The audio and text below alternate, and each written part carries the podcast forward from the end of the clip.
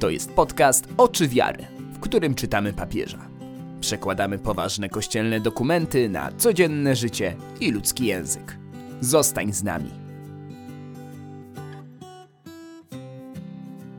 Cześć, przy mikrofonie Kasia Kajzar. Odcinek siódmy serii Chrystus Vivit Płacz i Rodzenie. Serii, w której czytamy adhortację papieża napisaną po synodzie o młodych. Adhortację bardzo piękną, która jest i o młodych, i o starych, i wszystkich nas dotyczy. Czasem dotyczy w różny sposób, z różnych perspektyw, ale jest też do Ciebie. W dzisiejszym odcinku przeczytamy punkty 71 do 80.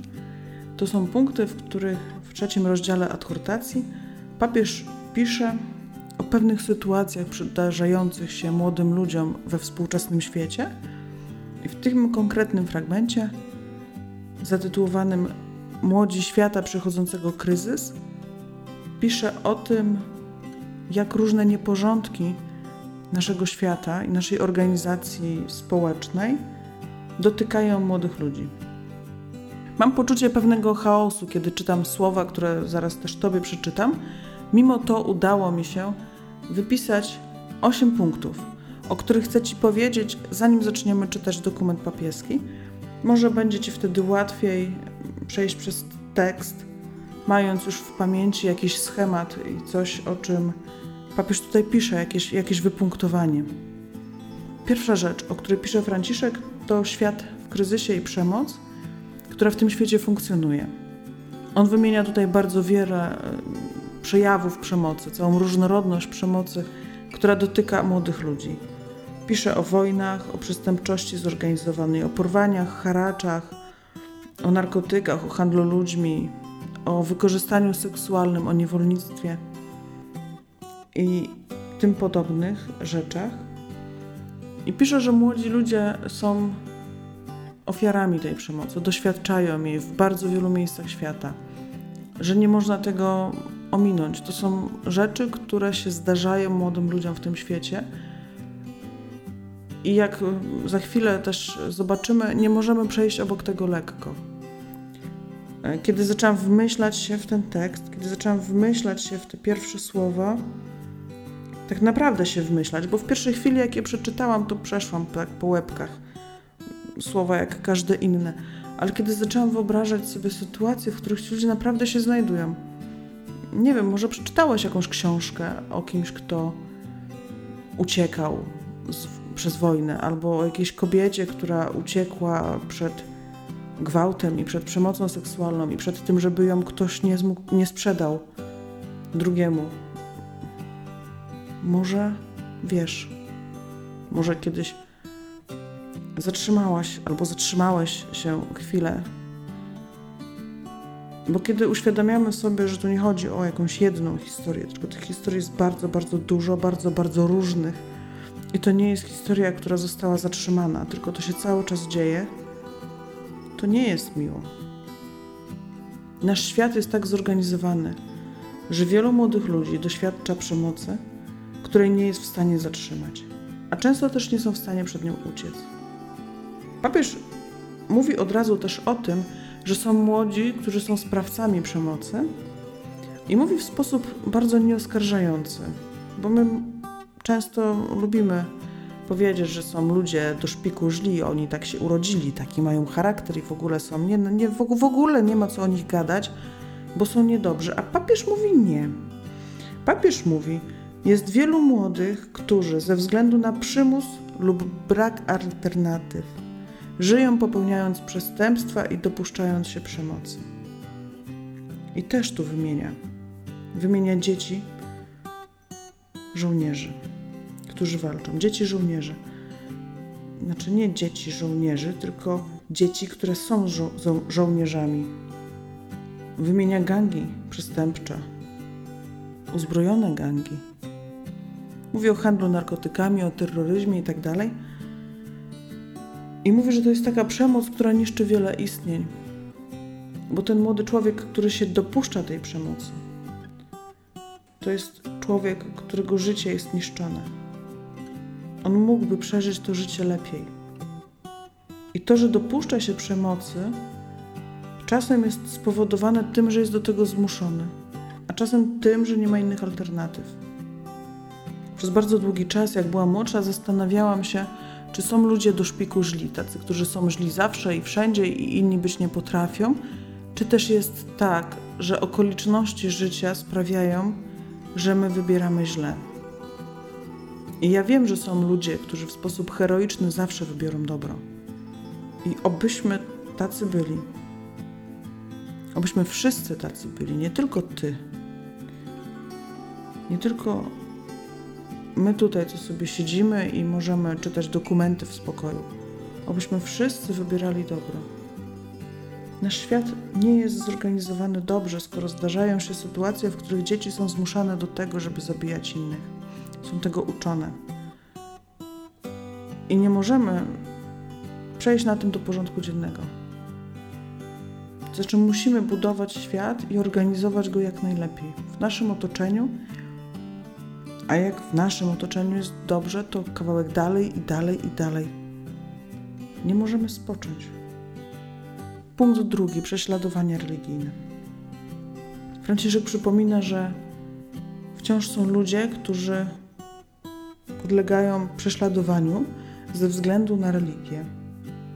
Nie tylko na religię, ale też ze względu na religię. Powtarzając za księdzem Andrzejem Pasiem, mamy około 70 milionów męczenników chrześcijańskich. 70 milionów osób było prześladowanych. Wiecie, to jest trochę dużo. Ale w samym XX i XXI wieku tych osób, które były prześladowane za chrześcijaństwo, było 40 milionów. Jakby to tak sobie podzielić, to okazuje się, że co 5 minut na świecie ginie chrześcijanin. Czyli od kiedy zaczęliśmy ten podcast, jedna osoba już zginęła prześladowania mają olbrzymią, olbrzymią siłę. My czasem modlimy się w liturgii za Kościół prześladowany. Nie wiem, czy zwróciłeś na to kiedyś uwagę, ale e, w tekście Mszy Świętej czytamy czasem, prosimy Pana o to, byśmy żyli w kraju, gdzie wolność religijna jest zagwarantowana i o to, by chrześcijaństwo nie było prześladowane. Ta modlitwa jest wciąż aktualna. Można włączyć się w pomoc Kościołowi prześladowanemu, Kościołowi w potrzebie. Możesz pogooglać, możesz poszukać, możesz się dowiedzieć coś na ten temat. Możesz coś zrobić. Punkt trzeci. Papież wskazuje na to, że są tacy młodzi ludzie, którzy ulegają pewnym naciskom ideologicznym. To są osoby wykorzystywane zarówno przez liberalną prawicę, jak i przez lewicę. Są młode osoby, które są traktowane jak mięso armatnie, jak takie oddziały szturmowe. Ich się wypuszcza po to, żeby kogoś zniszczyć, zastraszyć, by kogoś wyśmiać. Nakręcamy na uszy jakąś ideologię, coś. Nakręcamy tego człowieka, tych ludzi i wypuszczamy ich po to, żeby atakowali innych, żeby niszczyli innych. W imię tej ideologii, w imię tego czegoś, na co się ich programuje. Papież mówi, że najgorsze jest to, że wielu z tych młodych ludzi w taki sposób wykorzystywanych, bo to też jest rodzaj wykorzystywania, przekształca się w indywidualistów, w takie jednostki, które żyją w swoim świecie dla siebie bez, bez wspólnoty, w takich indywidualistów w osoby wrogie w ogóle i nieufne, nieufne wobec wszystkich. Wrogie i nieufne. Ja sobie tutaj zapisałam wersję pozytywną tych, te, tego tekstu.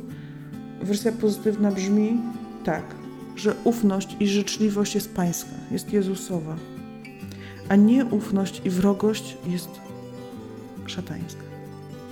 Ludzie, którzy są nieufni wobec innych, którzy są z założenia wrodzy, bardzo łatwo ulegają manipulacji e, w taki sposób, że stają się łupem dla projektów dehumanizujących, destrukcyjnych, takie, które odczłowieczają nasze społeczeństwo, sprawiają, że jesteśmy mniej, mniej ludzcy jako grupa, jako wspólnota. To jest bardzo niebezpieczne. I wydaje mi się, że dotyczy nie tylko młodych ludzi. Znam ludzi zupełnie niemłodych, którzy pod wpływem, no nie chcę mówić wprost, ale może powiem, pod wpływem pewnych filmów na YouTubie, treści w internecie, rzeczy, które są produkowane w sposób na jakąś niesamowitą skalę w tej chwili. Wiele osób, wsłuchując się w te treści, w te ideologie, właściwie gubi się w życiu. Gubi się w takim zwykłym ludzkim życiu, odczłowiecza się. Jest straszne. Punkt czwarty. Punkt czwarty dotyczy łez. I on jest wyjaśnieniem, jak mamy żyć, żeby naciski ideologiczne nie miały nad nami władzy, żebyśmy nie stawali się zdehumanizowanym społeczeństwem. Papież mówi, że mamy płakać, że mamy być ludźmi, którzy widzą cierpienie innych ludzi i płaczą nad cierpieniem innych ludzi. Mamy się przejmować innymi, mamy rodzić w tych łzach. Franciszek mówi, że pewne rzeczy widać tylko oczami obmytymi przez łzy. Pewne rzeczywistości tylko tak zobaczymy. I mówi, że mamy być bardziej matczyni. Bo jeżeli nie umiemy płakać, nie możemy być matką. A świat powinien być bardziej matczyny, powinien umieć rodzić. Mówił, że nauczymy się płakać, nauczymy się rodzić. Rodzi się w bólu i rodzi się w łzach. A jednocześnie mamy być obietnicą życia. Ból rodzenia obiecuje życie. Papież zaprasza nas do tego, byśmy byli czuli. On mówi o czułości dosyć często.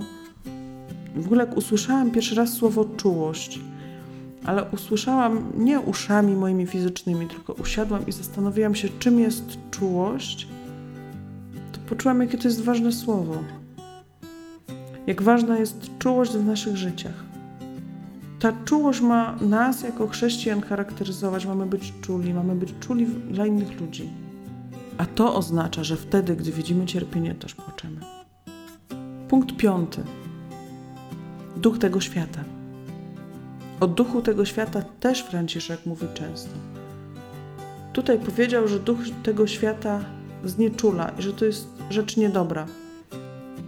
Że bardzo często duch tego świata, zamiast uczyć nas płakać, zamiast uczyć nas przeżywać dramaty, podaje receptę, którą jest znieczulenie. Najgorszą rzeczą, jaką możemy uczynić, pisze, jest zastosowanie recepty proponowanej przez ducha tego świata, która polega na znieczuleniu młodych ludzi innymi wiadomościami, innymi rozrywkami, banalnością. Dla mnie ciekawym wątkiem jest wątek znieczulenia wiadomościami. Ja od y, wielu, wielu lat nie mam już telewizora, nie oglądam telewizji, nie oglądam wiadomości. Czasem czytam wiadomości, to prawda, ale też nie śledzę zbyt pilnie y, tego, co się dzieje. O rzeczach, które są istotne, i tak ktoś mi powie. Po drugie, pytanie, co jest istotne. Bo wiele rzeczy, o których wiemy z serwisów informacyjnych różnego rodzaju, tak naprawdę nie ma znaczenia dla naszego życia. A jeśli ma znaczenie, to nie mamy wpływu na to, co się dzieje. Nieznajomość prawa nie zwalnia z jego przestrzegania, więc musimy je znać. To prawda. E, musimy czasem reagować na coś, co się dzieje. Czasem trzeba wyjść i zaprotestować, a czasem trzeba właśnie zostać w domu, żeby nie być wziętym jako uczestnik protestu i jakichś zamieszek. To się dzieje i to się może dziać coraz bardziej.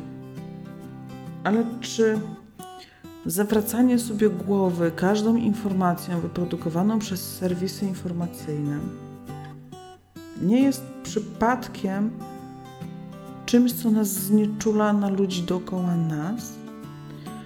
Czy dowiedzenie się o kolejnej tragedii jakiejś rodziny, która na przykład zginęła w wybuchu gazu, albo w której część członków zginęła w wyniku wybuchu, albo o kolejnym wypadku, który się wydarzył, właśnie wypadku, który się wydarzył, nawet nie mówimy tutaj o ludziach, prawda?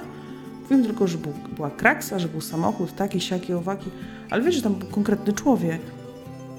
I czy, czy ta narracja wiadomości, tego serwisu informacyjnego, nie sprawia, że my tracimy perspektywę twarzą w twarz, perspektywę drugiego człowieka. Może warto to sprawdzić, może warto wyłączyć się z serwisów informacyjnych na miesiąc. No, na przykład na Wielki Post. Chociażby. Chociaż niekoniecznie, każdy inny miesiąc też jest dobry. Dla mnie ta duża ilość wiadomości jest szumem informacyjnym i kiedy próbuję to wszystko przetworzyć w swojej głowie, bo niestety moja głowa przetwarza na okrągło wiadomości i bodźce, które dostaję, e, to gubię się we wszystkim innym albo w wielu innych rzeczach. Może ty też. Punkt szósty. Papież mówi, co zrobić. Papież mówi tak. Koło każdej osoby cierpiącej, oby koło każdej osoby, która cierpi, znalazła się wspólnota chrześcijańska, która, ja bym powiedziała, napisze Ewangelię dla tego człowieka. Dlatego, że e, czasem to ty będziesz jedyną osobą, jedyną Ewangelią, przepraszam. Czasem ty będziesz jedyną Ewangelią, którą przeczyta osoba, która stoi obok ciebie, bo nie otworzy Pisma Świętego i nie pójdzie na liturgię.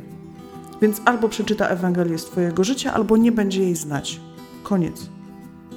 To od Ciebie zależy. I papież mówi, że on by bardzo chciał, żeby koło ludzi, którzy cierpią, a czasem cierpią tak, że nie jesteśmy w stanie tego ani wypowiedzieć, ani zrozumieć, ani w żaden sposób wyrazić w ogóle słowami, bo takie cierpienia ludzie przeżywają. Takie, taki ból uderza. Papież mówi, że to jest taki ból, który uderza jak wymierzony policzek. Jak chlaśnięcie w twarz. I obo obok każdej osoby, która tak cierpi, znalazła się wspólnota chrześcijańska, która poprzez gesty, uściski i konkretną pomoc. Raz, dwa, trzy. Gesty. Dwa. Uściski. Trzy. Konkretną pomoc. Urzeczywistnij słowa Ewangelii, które mówią o tym, że błogosławieni, którzy się smucą, albowiem oni będą pocieszeni. Tylko, że my, kiedy czytamy to bezosobowe będą pocieszeni, Czasem zapominamy, że to my musimy być tym pocieszeniem. Może się zdarzyć, że możemy być jedynym pocieszeniem, jakiego mogą doświadczyć ludzie cierpiący. A jeśli tak, to jeśli go nie doświadczą, to nie doświadczą Ewangelii, nie przeczytają Ewangelii. Punkt siódmy. Istnieją możni ludzie, które, którzy udzielają pomocy ale bardzo często czynią to za wysoką cenę. I wiele razy jest tak, że w krajach ubogich pomoc finansowa jest uzależniona od tego, czy przyjmiesz styl życia tego, który pomaga, czy nie. To znaczy, nie pomoże ci, jeśli nie będziesz żyć tak, jak on żyje. Nie tak powinno być między nami. Punkt ósmy, ostatni, jest o reklamach o tym, że to ciekawe, w ogóle dla mnie ten skok tutaj z krajów ubogich, którym pomagają możni, kolonizując ideologicznie, do reklam. Nie rozumiem tego przeskoku, tego ciągu. Pewnie gdybym rozumiała, to moje wprowadzenie byłoby lepsze, więc mam nadzieję, że Ty rozumiesz i że te braki tego, co ja teraz mówię, wyrównasz, Duch Święty wyrówna w tobie. Słuchaj go. Punkt ósmy. Reklamy uczą ludzi, młodych ludzi, pozostawania w stanie bycia niezaspokojonym. Bycie niezaspokojonym. Cały czas musisz czegoś szukać, cały czas musisz czegoś pragnąć, cały czas coś musisz kupić, czegoś doznawać. I papież mówi, że to buduje kulturę odrzucenia I tutaj to przejście z bycia niezaspokojonym do kultury odrzucenia akurat nie wydaje mi się specjalnie dalekim. Wręcz przeciwnie, uważam, że to jest implikacja, która rzeczywiście ma miejsce.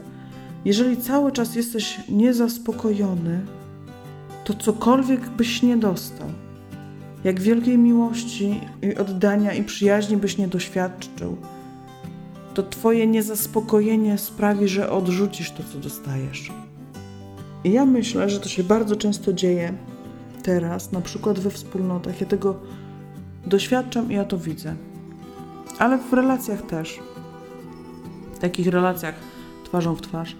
Kiedy przychodzi człowiek do wspólnoty, zaczyna w niej być, ale za chwilę mu czegoś brakuje, czegoś szuka. I jak patrzę w oczy i mówię, a czego ty szukasz? To odpowiedź jest niekonkretna.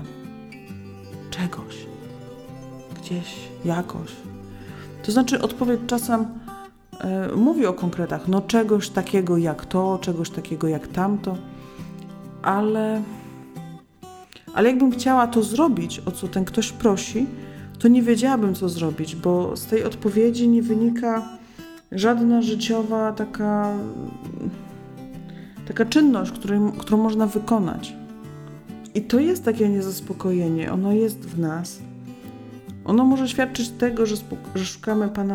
Nie, niezaspokojenie może świadczyć o tym, że szukamy Pana Boga. Tak jak święty Augustyn mówił, że niespokojne jest serce człowieka, dopóki nie spocznie w Panu. I być może to jest takie niezaspokojenie.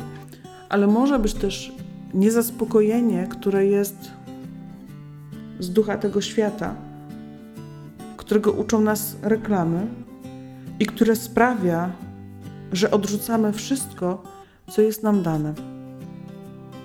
Bo nas nie zaspokaja, bo jest niedoskonałe. A zapominamy, że jesteśmy na ziemi, że jesteśmy w drodze, że jesteśmy kościołem pielgrzymującym i że nasze zaspokojenie będzie dopiero w Panu, w niebie. A tutaj ten niepokój jest do zniesienia, to znaczy musimy go znieść. Nie w sensie, że jest nam lekki, tylko w takim sensie, że musimy go znieść. My mamy za Bogiem tęsknić, mamy go szukać. Ale to nie znaczy, że mamy odrzucać wszystko, co jest nam dane. Nie wspomniałam tutaj o jeszcze jednej rzeczy, więc dopisuję punkt dziewiąty. E, punkt dziewiąty jest o relacjach między pokoleniem starszych i młodszych ludzi. Te relacje też się przebijają w tym dokumencie co jakiś czas. I tutaj jedno niebezpieczeństwo jest takie, że tradycję rodzinną można postrzegać jako opresyjną i uciekać od niej pod naciskiem takiej globalnej kultury, takiej kultury, która jest niezakorzeniona. Rodzina daje poczucie zakorzenienia i ta tradycja rodzinna daje poczucie zakorzenienia. Kultura globalna, kultura bycia wszędzie sprawia, że nie ma punktów odniesienia. I to nie jest dobre. To raz. Dwa. W niektórych częściach świata papież mówi, nie ma prawdziwego konfliktu pokoleniowego między młodymi i starymi. Tutaj nic nie iskrzy, natomiast jest wzajemna obcość. I to też nie jest dobre. To jest taki moment, kiedy dorośli nie starają się i nie potrafią przekazywać podstawowych wartości życiowych. Zdarza się też, że dorośli przyjmują styl młodzieżowy, odwracają relacje międzypokoleniowe. To jest bardzo niebezpieczne, to jest bardzo trudne dla młodych ludzi i sami młodzi mówili, że im to przeszkadza. Tak, tak nie, nie powinniśmy robić. Rodzic jest rodzicem, dziadek jest dziadkiem. I trzeba też umieć przyjąć taką rolę, wejść w nią i nieść ją. Kiedy starsze pokolenie nie wchodzi w rolę rodzica, dziadka, matki, babci, ojca, e, to te relacje pozostają międzypokoleniowe, między młodszymi, starszymi, pozostają na płaszczyźnie takiej emocjonalnej, na poziomie emocjonalnym, a nie dotykają tego wymiaru, który jest istotny, wymiaru edukacyjnego i kulturowego. Starsi powinni młodszych edukować, powinni przekazywać im pewną kulturę. Jeżeli to się nie dzieje, to się utrudnia młodym start. to się utrudnia im życie, to się sprawia, że, że to w ogóle utrudnia też poznawanie wiary. Sprawia, że człowiek rośnie bez korzenia na takiej chyboczącej się platformie. To nie jest dobre. A teraz zapraszam Cię, posłuchaj papieża.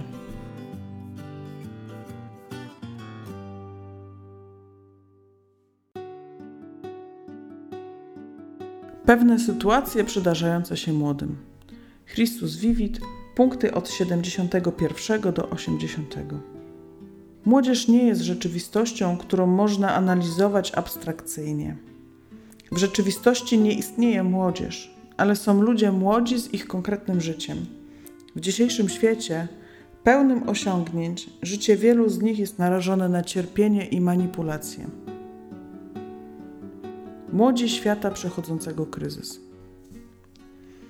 Ojcowie synodalni z bólem podkreślili, że wielu ludzi młodych żyje w rzeczywistości wojny i doznaje przemocy w niezliczonej różnorodności jej form. Porwań, haraczy, przestępczości zorganizowanej, handlu ludźmi, wykorzystywania seksualnego i niewolnictwa, przemocy wojennej i tym podobne. Inni ludzie młodzi z powodu swojej wiary nie mogą znaleźć miejsca w swoich społeczeństwach i znoszą różnego rodzaju prześladowania aż po śmierć. Jest wielu młodych, którzy ze względu na przymus lub brak alternatyw żyją popełniając przestępstwa i dopuszczając się przemocy. Dzieci żołnierze, przestępcze i uzbrojone gangi, handel narkotykami, terroryzm i tym podobne. Ta przemoc niszczy wiele młodych istnień.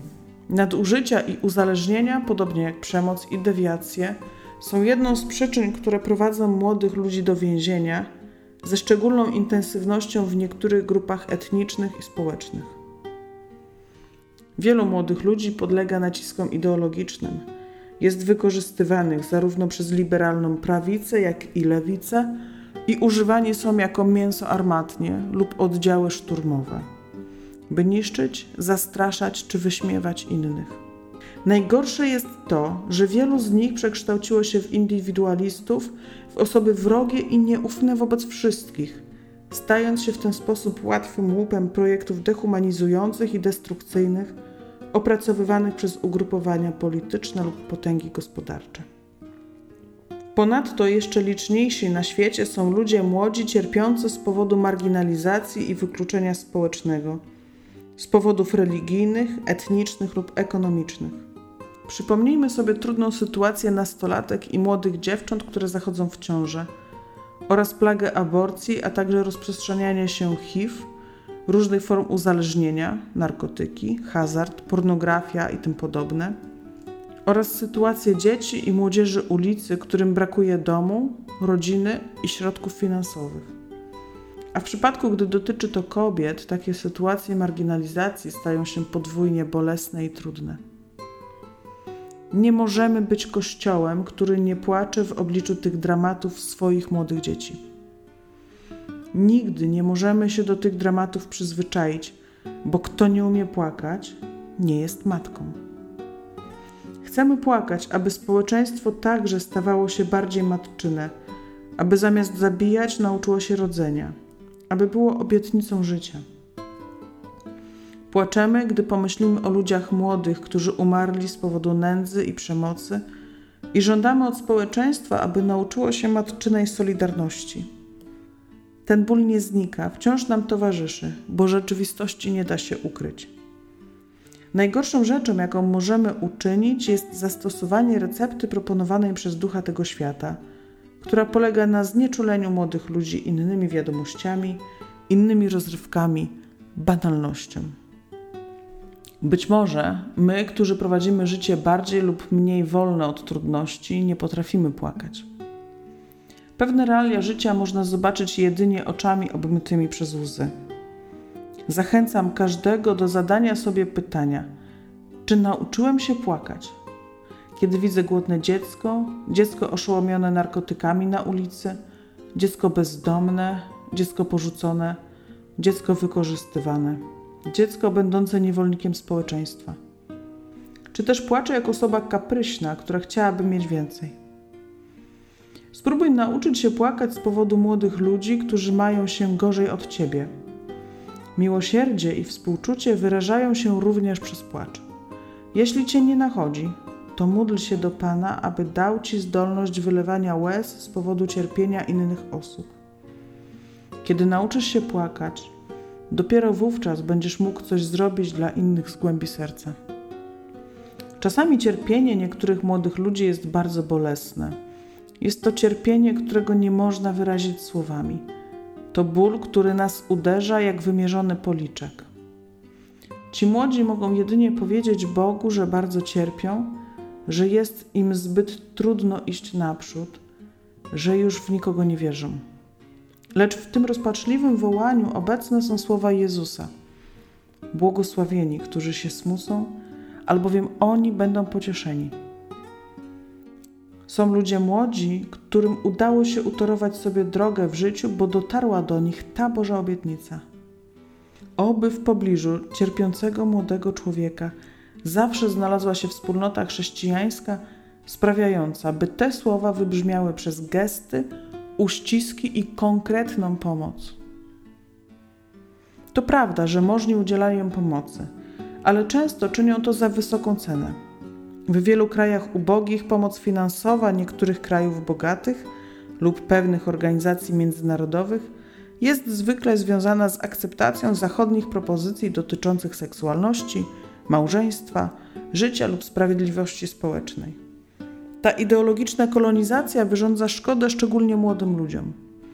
Jednocześnie widzimy, jak niektóre reklamy uczą ludzi bycia zawsze niezaspokojonymi i przyczyniają się do budowania kultury odrzucenia, gdzie sami młodzi stają się w końcu materiałem jednorazowego użytku. Współczesna kultura przedstawia wzór osoby ściśle związanej z obrazem młodego człowieka. Pięknym czuje się ten, kto wygląda młodo, kto podejmuje kuracje usuwające znaki upływającego czasu. W reklamach stale wykorzystywane są młode ciała, aby sprzedawać produkty. Model piękna to model młodzieżowy, ale bądźmy czujni, ponieważ nie jest to pochwała skierowana do młodych. Oznacza tylko, że dorośli chcą skraść młodość dla siebie, a nie to, że szanują, miłują i troszczą się o ludzi młodych. Niektórzy młodzi ludzie postrzegają tradycję rodzinną jako opresyjną i od niej uciekają pod naciskiem globalnej kultury, która niekiedy pozostawia ich bez punktów odniesienia. Jednak w innych częściach świata między młodymi a dorosłymi nie ma prawdziwego konfliktu pokoleniowego, ale jest wzajemna obcość. Czasami dorośli nie starają się lub nie potrafią przekazywać podstawowych wartości życiowych lub przyjmują styl młodzieżowy, odwracając relacje międzypokoleniowe. W ten sposób relacjom między młodymi ludźmi a dorosłymi grozi trwanie na poziomie emocjonalnym, nie dotykając wymiaru edukacyjnego i kulturowego. Ileż szkód wyrządza to młodym, nawet jeśli niektórzy nie zdają sobie z tego sprawy. Młodzi ludzie sami zwrócili nam uwagę, że to znacznie utrudnia przekazywanie wiary. Krajach, w których nie ma wolności słowa, a młodzi ludzie nie mogą uczestniczyć w życiu Kościoła.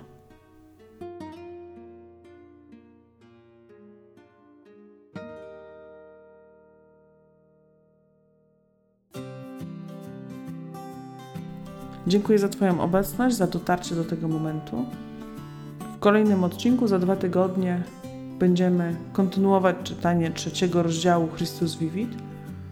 Zanim wyłączysz ten podcast, bardzo Ciebie proszę, udostępnij go, opowiedz komuś o tym, że go słuchasz, podyskutuj, daj znać, że jesteś, odezwij się w serwisach y, społecznościowych, zostaw komentarz na Facebooku, w iTunes, daj znać, że jesteś i podaj dalej. Do usłyszenia.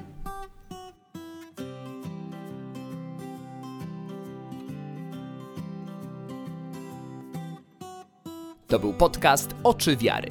Zajrzyj na stronę www.oczywiary.pl po więcej treści. Zachęcamy też do kontaktu. Mail kasia Do usłyszenia.